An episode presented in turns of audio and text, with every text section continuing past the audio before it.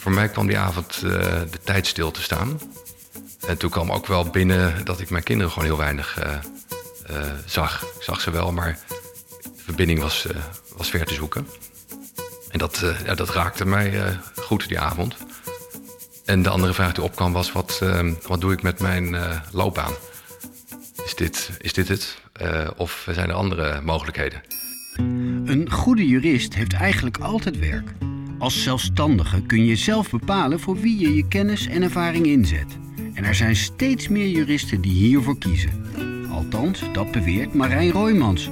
En hij kan het weten, want hij coördineert het grootste netwerk voor zelfstandige juristen in Nederland. Omdat die juristen vaak wat op de achtergrond opereren, leek het ons zo leuk om je kennis te laten maken met deze beroepsgroep in opkomst. Dus gaan Marijn en ik, Erik Jan Bolsius, in de serie Meesterlijke Gesprekken bij ze op bezoek. Van hen horen we wie hun klanten zijn, waar ze van wakker liggen, wat die vrijheid hen brengt en wat niet. Duik met Marijn en mij in het leven en werk van zelfstandige juristen. Luister naar Meesterlijke Gesprekken, de podcast van We Legal Network, mede mogelijk gemaakt door Jurist in Communicatie.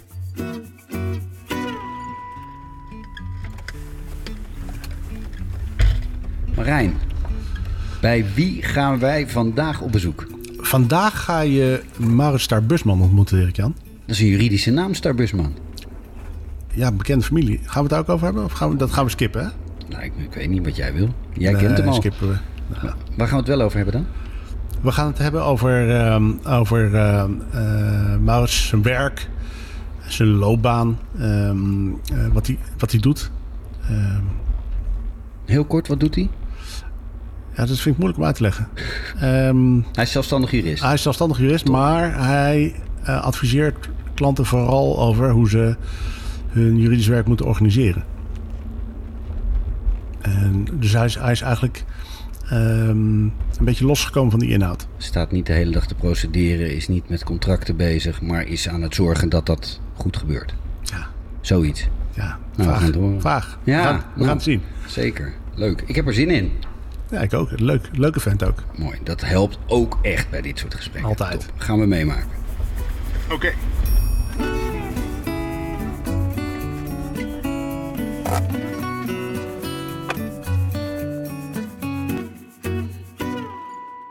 Maurits, waarom ben je eigenlijk eigen baas? Waarom ben je voor jezelf begonnen? Voor de afwisseling met name. Ehm, en omdat ik ehm, vrijheid wil in mijn leven. En eh, eigen baas zijn voelt als, eh, als vrij zijn. Voor mij. Klinkt mooi nu, maar wat gaf destijds echt de doorslag? Stil. Afwisseling blijft het. Ik, Wist je, eh, dat wist ik- je van tevoren? Ja, ik, ik, blijf, ik blijf scherp. Behalve in mijn huwelijk, daar ben ik al, eh, ik weet niet hoeveel jaar eh, scherp, 24 jaar. Maar ik blijf meestal niet langer scherp dan een, eh, een jaar. Wauw, jouw houdbaarheid is kort, Maurits. Waar, zit, waar, waar ligt dat aan? Ik denk eh, aan, eh, aan hoe ik in elkaar zit. Eh, ik hou ervan om verschillende dingen te doen, verschillende ballen in de lucht te houden. En ik hou eigenlijk ook wel van chaos. Is er een, een ADHD'er aan jou verloren gegaan? Mogelijk, zoals een ja? jurist dan zal zeggen. Nee, maar, maar dat is helemaal niet erg natuurlijk als je dat van jezelf weet. Want het klinkt alsof je dat eh, gewoon prima van jezelf Ja. ziet en dat ook geaccepteerd hebt. Om, ik zou heel open zijn en dat, eh, het zijn een hoop luisteraars. eh, maar ik, eh, ik eh, heb er nooit moeite mee om open te zijn. Maar ik ben eh, vrij recent, eh, is bij mij ADD eh, vastgesteld. Oké. Oh, echt? Dus dit is, eh, dit, is een soort, dit, is, dit is een soort primeur. Ja. En wat deed het met je toen je, daar, toen je dat hoorde? Het probleem met dit soort dingen vind ik vaak dat de, eh, op een gegeven moment krijg je een stempel of een diagnose. En wat doe je daar vervolgens mee? Eh, er zijn verschillende opties. En wat ik heb gemerkt toen ik het hoorde en de periode daarna, is eigenlijk een soort bevestiging van wat ik eigenlijk al wist. Eh, maar ook, een, ook iets wat ik positief kan inzetten. Want ik kan heel snel schakelen. En dat stiekem al deed. Dat deed ik al mijn hele leven eigenlijk. Ehm, op een gegeven moment eh, valt je omgeving op dat je vrij onrustig bent. En dat je eigenlijk continu bezig bent. En ehm, ja, dat kan vermoeiend zijn voor je omgeving, maar voor jezelf uiteraard ook op een gegeven moment. Ja, zeker voor jezelf. Ja, en dan is de vraag, wat ga je daar vervolgens mee doen? En ik heb er eigenlijk niet zoveel uh, veranderd in mijn leven. Uh, want ik merkte dat ik er eigenlijk wel, wel bij vaar. Heel af en toe een beetje gas terugnemen als je, als je denkt, nu, ga ik, nu schiet ik door. Maar daarmee had je dus je carrière of je manier van leven en werken eigenlijk al behoorlijk ingericht op hoe je bent. Ja, en die, die ik noem dat dynamiek net, of afwisseling, maar eigenlijk is het, ik word op een gegeven moment onrustig, vrij snel. ja. Binnen een jaar in ieder geval. En eh, Marijn, even naar, naar. Jij kent heel veel zelfstandige juristen. Is het. Uh, is het aantal, zijn dat allemaal uh, ADHD'ers? Ja. Uh, nee, vast niet. Um, en bovendien, uh, ik ben geen expert, dus ik had dit nee. ook niet aanzien komen. Helemaal niet. Maar ik vind het leuk dat je dat, je dat deelt. Dus, ja. Had ik een keuze? Ja, je had een keuze. Ja, had hij heel netjes politiek antwoorden kunnen geven en het uh, allemaal kunnen omzeilen en een glanzend uh, imago kunnen, uh, kunnen neerzetten. Ja. maar ik ken je ook wel een beetje als iemand die gewoon vertelt hoe het is. Dus, ja. eerlijk duurt het langst. Ja, en eerlijk is het makkelijkst. Vind ik. Voor mij wel. Ja, voor mij ook. Dus ik herken dat wel. Um, Maurits, naar werk toe. Hè? En dan mm. werk en hoe jij werkt. Uh, want dat vind ik ontzettend leuk om te horen. En daar, daar zijn we echt op, op, naar op uit. Hè? Want de, de luisteraar wil heel graag geïnspireerd worden in... Uh, nou, hoe doe je dat als zelfstandige? Waar zit je momenteel als uh, opdracht? Wat doe je? Ik zit nu bij Deloitte sinds vier weken. Zij hebben heel veel verschillende disciplines in huis. En een van de afdelingen die binnen legal valt is Legal Management Consulting... En um, dat is eigenlijk de, de, de, tak binnen legal die bedrijven uh, adviseert op uh, strategie, op, um, ik moet oppassen met te veel Engelse woorden, uh, operating models. Ik ga het maar toch gebruiken, dat is moeilijk te vertalen denk ik in het Nederlands. Besturingsmodellen? Zou kunnen, ja. En ja, dan snapt ook niemand wat je zegt. Nee, ik sla er maar een slag naar. En wat doe je dan concreet? Legal, hoe zei je het? Process management? Dit is legal management consulting. Legal, legal management Dat focust op ja, strategie, op uh, het vaststellen van, van uh, missie, visie. Uh, het adviseert, de afdeling adviseert over technologie, over um, sourcing modellen. Van wie heb je intern zitten en wat kan je eventueel outsourcen en wat voor modellen kan je daarvoor gebruiken. Dus eigenlijk alles behalve de, de inhoud.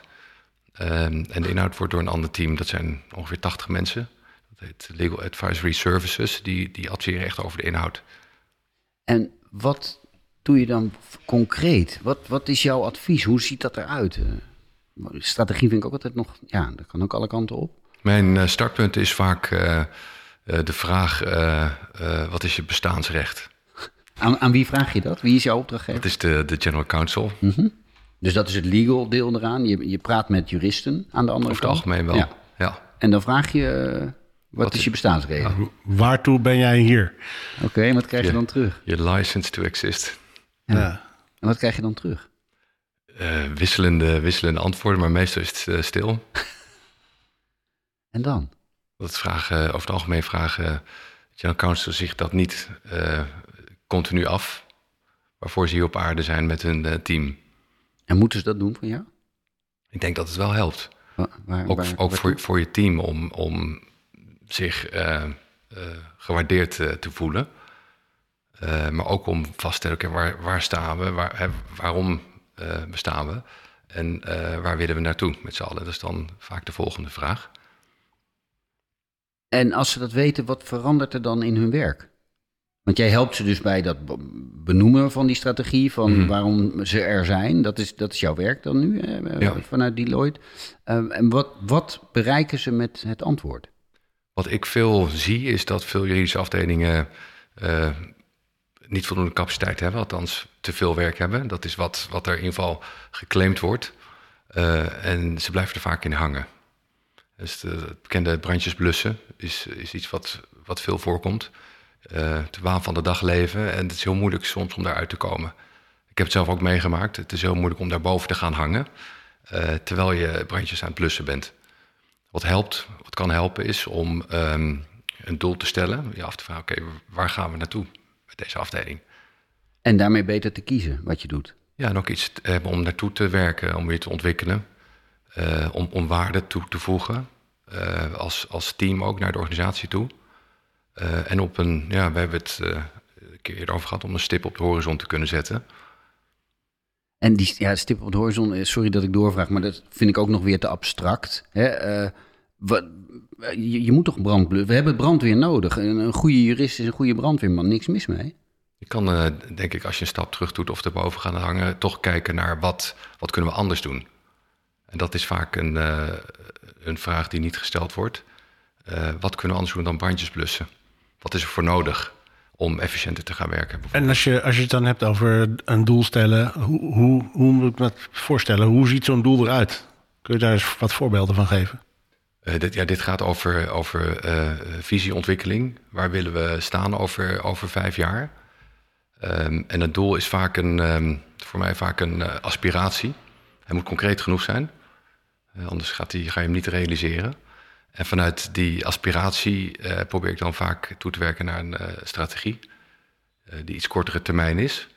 En van daaruit een, een plan te maken om te veranderen.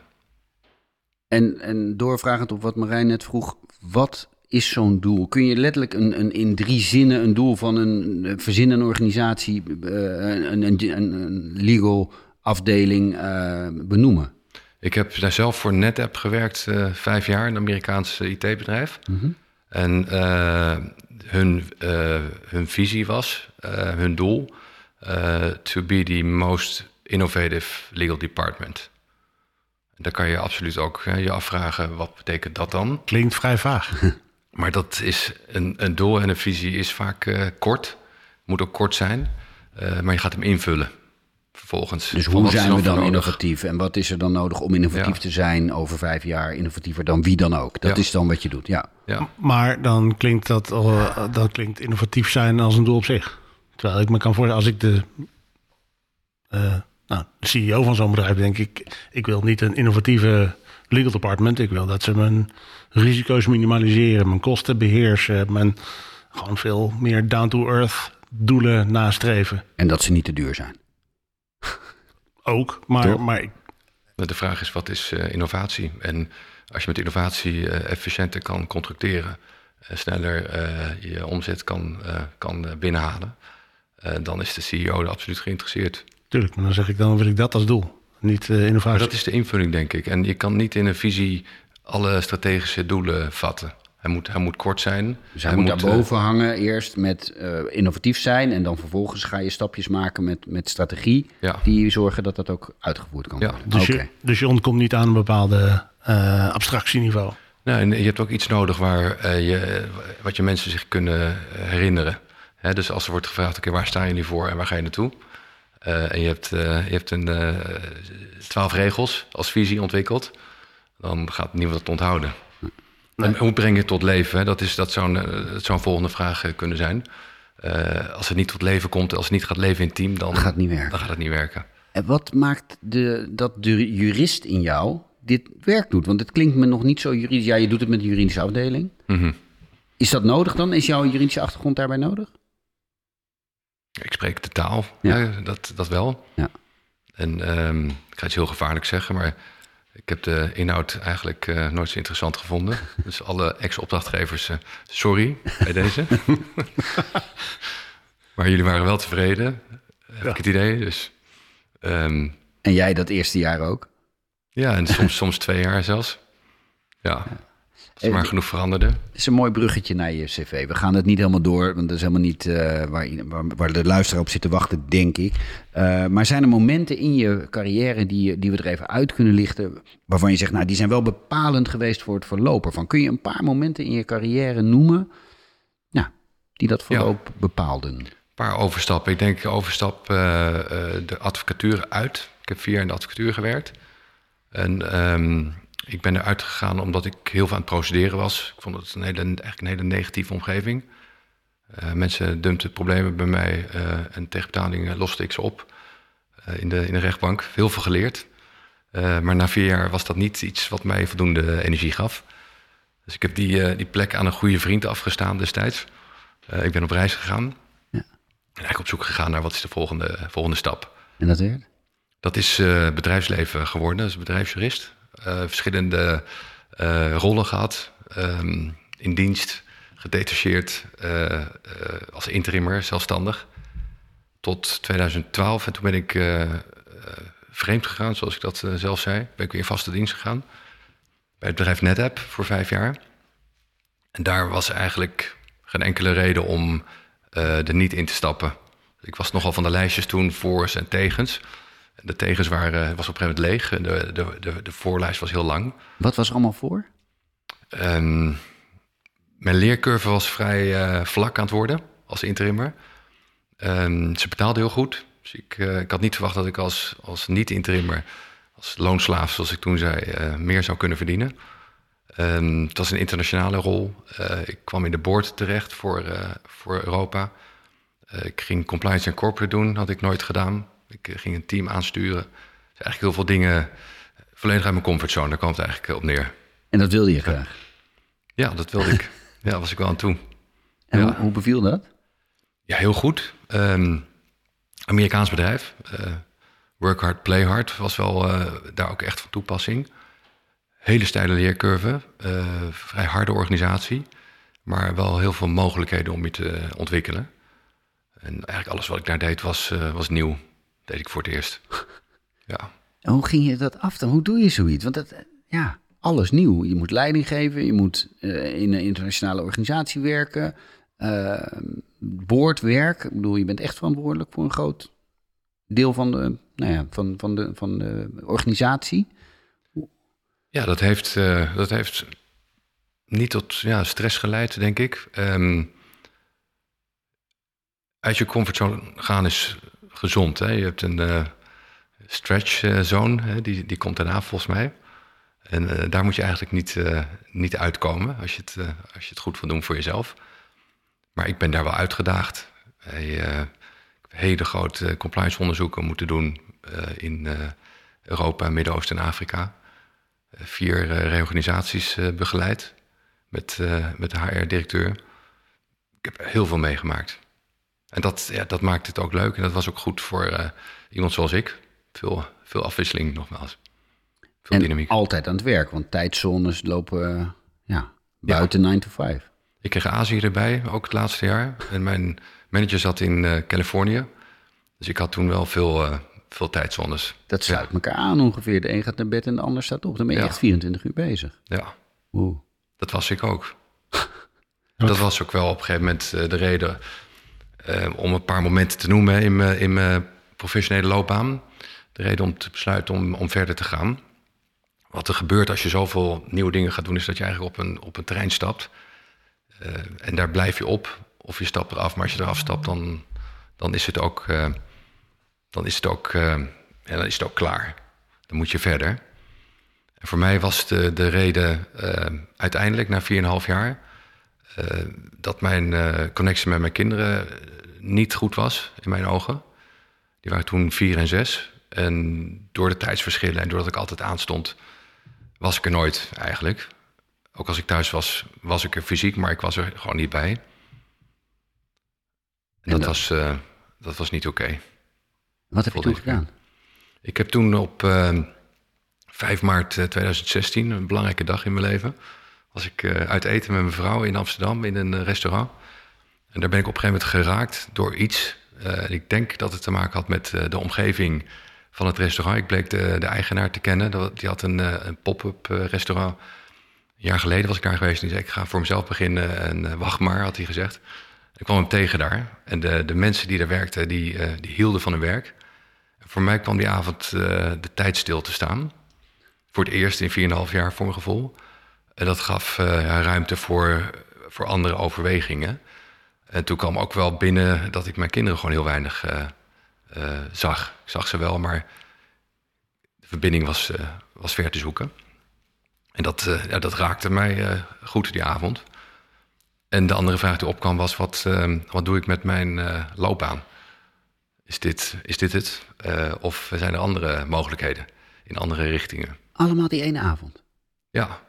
Hoe ga, uh, kun je dat beschrijven? Dat duurde een kwartier ongeveer, denk ik. Ik was ook, uh, ik was ook sprakeloos, een kwartier lang. Dus mijn vrouw die, heeft zich ook af moeten vragen van wat gebeurt hier? En daarna, toen het rustiger werd, kunnen, kunnen uitspreken wat er gebeurde. Die twee dingen kwamen, kwamen ineens op. Ja. En op 6 maart zei je tegen je baas? Op uh, 12 maart. Ja, op vrijdag heb ik ontslag genomen. Ja. Wauw. Beste beslissing ooit. Ja? Heb je ooit nog zo'n heftig moment uh, ervaren als toen? Nee. Nee, eigenlijk niet meer. Nee, de, de reacties waren ook heel wisselend. De, ik had twee managers in Amerika. En ik kon vier dagen werken en twee keer zoveel verdienen. En alles was mogelijk. Het grappige is, als je zoiets ervaart, dan is er geen enkele twijfel. Zo klink je inderdaad. Ja. Je wist, klaar. Helemaal klaar, ja. En niet omdat ik uh, heel erg gestrest was of uh, tegen een burn-out aan zat. Of heel dankbaar voor de periode ook, die ik daar heb gehad.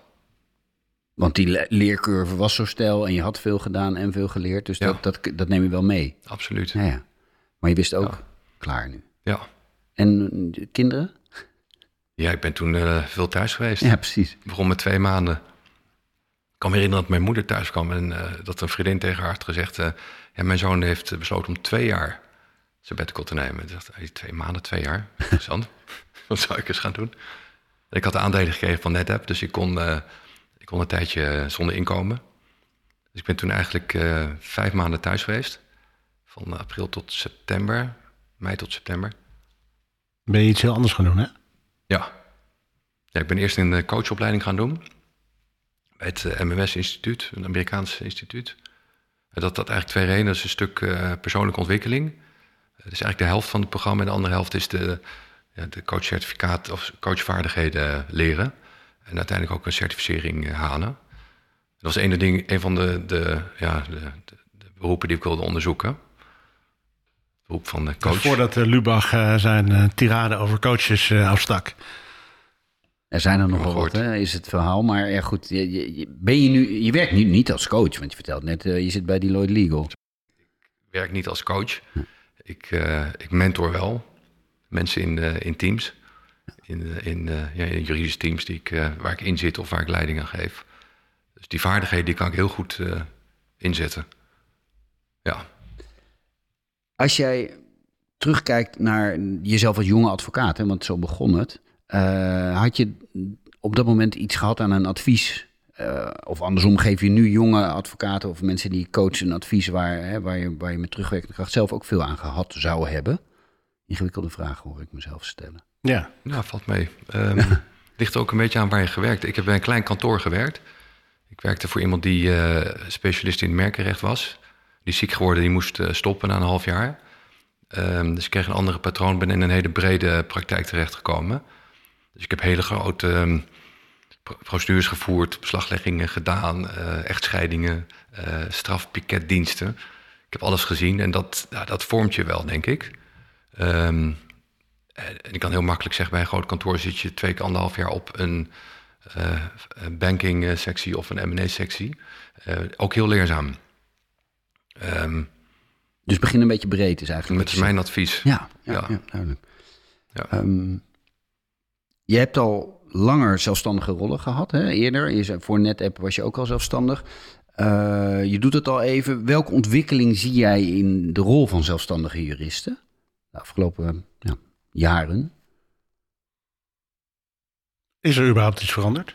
Nou, in, mijn, in mijn loopbaan wel, omdat ik steeds uh, zwaardere rollen heb gekregen. Uh, ik, ik vraag me af of er heel veel veranderd is in de markt. Uh, ik denk het eigenlijk, ik denk het eigenlijk niet. Er zijn er veel meer. Reactie, er zijn er veel meer ja. dan toen jij begon. Ik denk wel dat de, de, het, het sourcing model aan het veranderen is. Ik denk dat meer bedrijven uh, geneigd zijn om een um, permanentere, flexibele schil uh, te bouwen. He, dus dus uh, misschien wel permanent ook interims in een team hebben, in, zeker in grotere teams. Omdat ze daarmee ook ja, flexibeler worden. Ja, ja, dat herken ik wel. Dus er zijn er meer en ze kunnen langer op zelfstandige basis bij bedrijven hun, hun werk doen. Ja, en ze worden vaste onderdeel van een team. Nou, dat is het, hè? Ze worden ze zelfstandig zijn. Ja, ze worden onderdeel van, van, de, van potentiële oplossingen die je als, als juridische afdeling kunt inzetten. Waar je voorheen het echt puur noodzakelijk kwaad was. Interimmers moet je eigenlijk zo min mogelijk hebben, alleen als het echt niet anders kan. Als het te druk is. En nu zie je dat dat, dat dat vaker als, een, als, een, nou, als, een, als iets in de mix uh, beschouwd wordt. Oh, voor pieken en voor. Ja, en de interimmer kreeg ook niet de leukste uh, klussen. De krenten uit de pap gingen vaak niet naar de interimmer. Nee. En, en nu wel, nu is het eerlijker verdeeld, denk ik. En ja. het is wel cyclisch. Hè? De, je hebt je hebt pieken van, van mensen die gaan interimmen. Eh, de markt is nu uh, heel goed. Uh, Marijn, jij weet dat beter hè, dan, dan, dan ik, veel anderen. Um, maar of er echt iets is veranderd, dat er een permanente verschuiving is naar meer interimmers in de markt, vraag ik me af. Ik denk dat die markt in zoverre wel wat veranderd is. Dat er het, volume mensen die op flexibele basis wil werken is toegenomen. Het is meer geaccepteerd. Waar voorheen toch een beetje ja, dus werd een beetje raar naar gekeken van waar kun je geen baan vinden. Terwijl het nu ja, zijn toch veel mensen, ook jongere mensen, die die, die stap zetten. En dat, uh, nou, dat maakt het meer normaal. Um, en ik denk ook dat er, dat er nou, overal de, de kwaliteit ook toeneemt. Dus meer mensen, meer getalenteerde mensen deze keuze ook maken. Misschien niet voor altijd, maar wel als een fase in hun loopbaan. Dus dat, ja. En ook onder de interimmers heb je verschillen. Je hebt uh, vakinhoudelijke uh, hele goede interimmers. En hele uh, interimmers die heel goed kunnen verbinden. of goed zijn de stakeholder management. Je, je, hebt wel steeds meer smaken, denk ik. Ja. Ehm, ik vind het een heel mooi vak. ik vind het altijd mooi dat je binnenkomt en gewaardeerd wordt. Dus, dus vers bloed is altijd leuk voor een team. En als je het goed hebt gedaan, krijg je een afscheidsfeestje en word je weer gewaardeerd. Dus ik, ja, ja, precies. Ja. Maakt mij wel blij de rol van de zelfstandige jurist uh, benoemden we. Maar, uh, de, bedrijfsjuristen waar je voor werkt, of die jij ook geweest bent, zie je ook daar een verandering in? Of zie je ook, zie je daar een verandering in hun positie? Nou, waar we het eerder over hadden, het brandjesplus. Ik denk wel dat nu verwacht wordt van de leidinggevende van, van teams. dat ze ook andere skills en vaardigheden gaan ontwikkelen.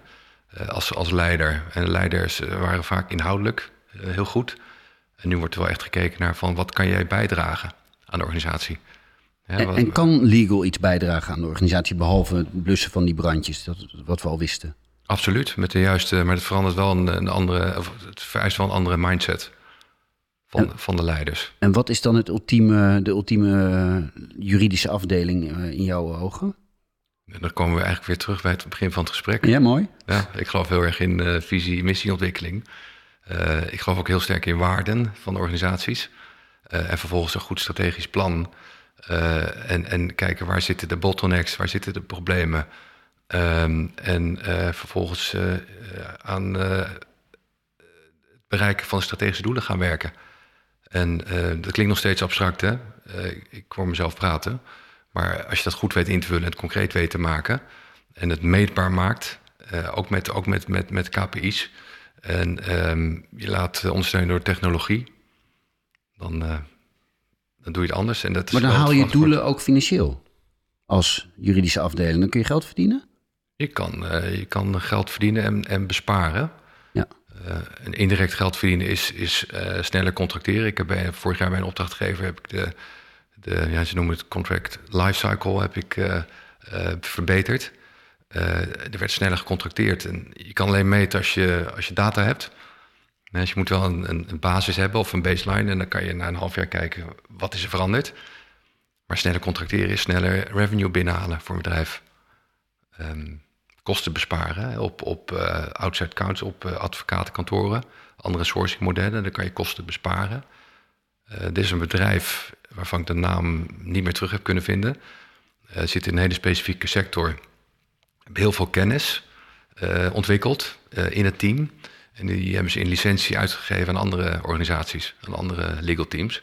Hebben daar eh, geld mee verdiend, verdienen daar geld mee. Wauw. Uh, en ja, op zich is de juridische afdeling wel in staat, omdat ze zoveel kennis ontwikkelen, om daar iets mee te doen. Dat is niet het eerste waar je aan denkt. Nee, maar waarom niet? Ja. En misschien doen veel partijen niet omdat ze het niet aan de concurrenten gunnen. Maar er wordt zoveel ontwikkeld. Dat is sowieso een, een heel groot topic aan het worden, denk ik. Uh, kennismanagement. Daar is bijna geen enkel bedrijf uh, goed in. Dat zou, ja.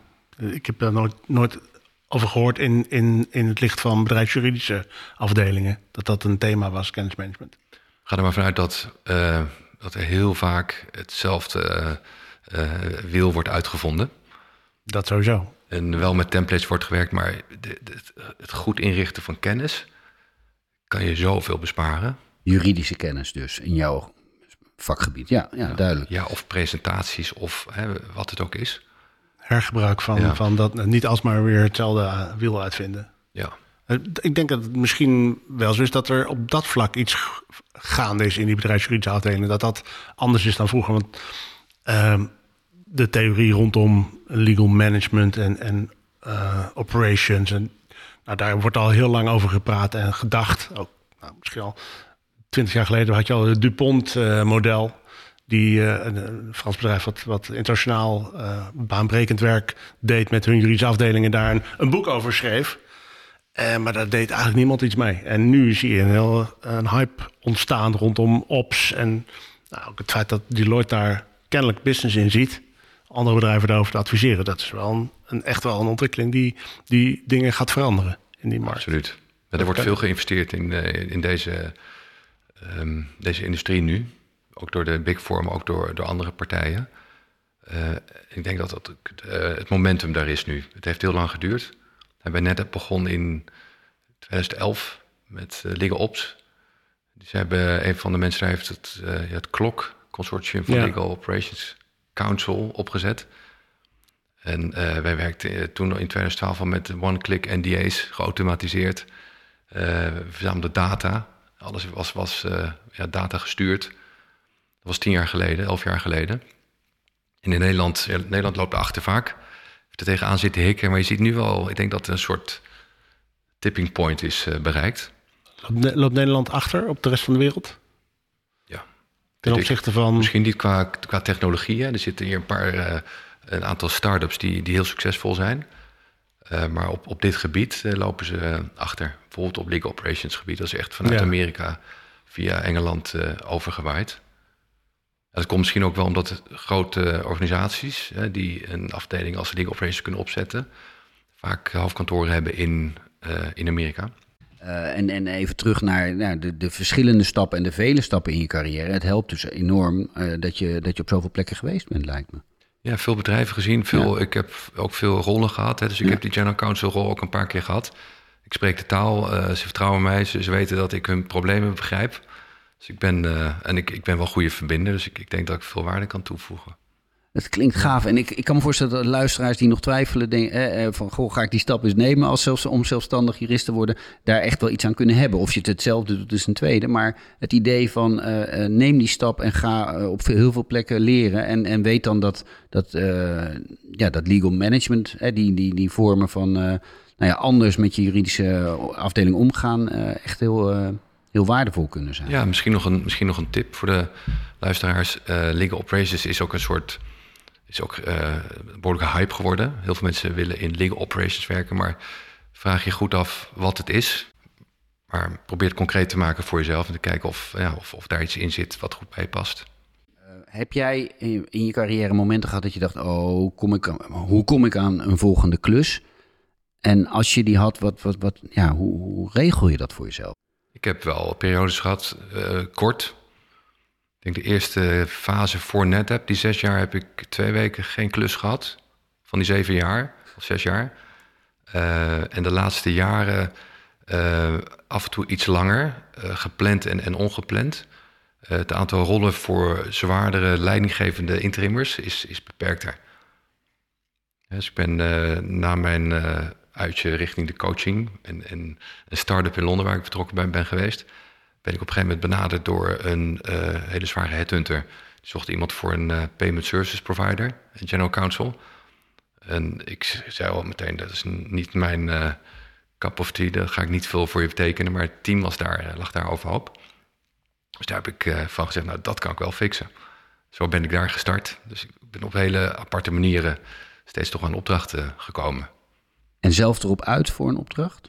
Of is dat niet meer nodig. Ja, dat klinkt wat... Ja, waar ik nu zit is via iemand die ik uh, al heel lang ken. Um, we hebben een soortgelijke rol gehad bij Amerikaanse bedrijven. Ja. Veel gespart in het verleden.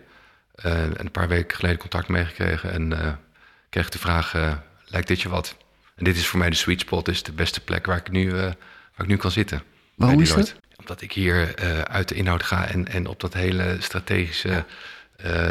stuk met, met processen en mensen en technologie kan werken. Ik spreek veel mensen die, die dit een interessant terrein vinden en die daar best iets mee zouden willen. Um, heb je een advies aan ze? Probeer wat je ook gaat doen in deze hoek, probeer het zo concreet mogelijk te maken. Dus probeer, met, met, probeer een aanpak te ontwikkelen. Probeer um, nee, wat je kan doen, bijvoorbeeld als je een organisatie ingaat, kan je de, de volwassenheid of de maturity kan je meten. Hoe doe je dat? Het is heel prettig als general counsel om van een externe partij te horen. Um, dit is waar je zit in de, in de maturity. ben, je, ben, je, ben, je, ben je in fase 1 of ben je al in fase 5? Dat helpt je ook om te kijken, oké, waar kan ik naartoe groeien? Maar probeer het vooral concreet te maken. En dan toch nog concreter, wat moet je echt kunnen? Concreet maken zeggen, ja, dat vind ik ook nog, sorry. En wat is het geheim van je succes? Ja, ja. Ik ben heel goed, ja, stakeholder management, wat ik eerder zei. Ik kan heel goed verbinden. Ik ben heel analytisch. Ik kan heel snel tot, tot, tot de problemen komen die er zijn. De oplossing concreet maken. Ja. Wauw. Nou, als je dat kunt, dan ligt er een gouden toekomst voor je, uh, voor de luisteraar. Uh, in uh, zelfstandige jurist zijn en, en meer. En ook die afdelingen begeleiden. Dankjewel, Maurits, voor dit inspirerende verhaal.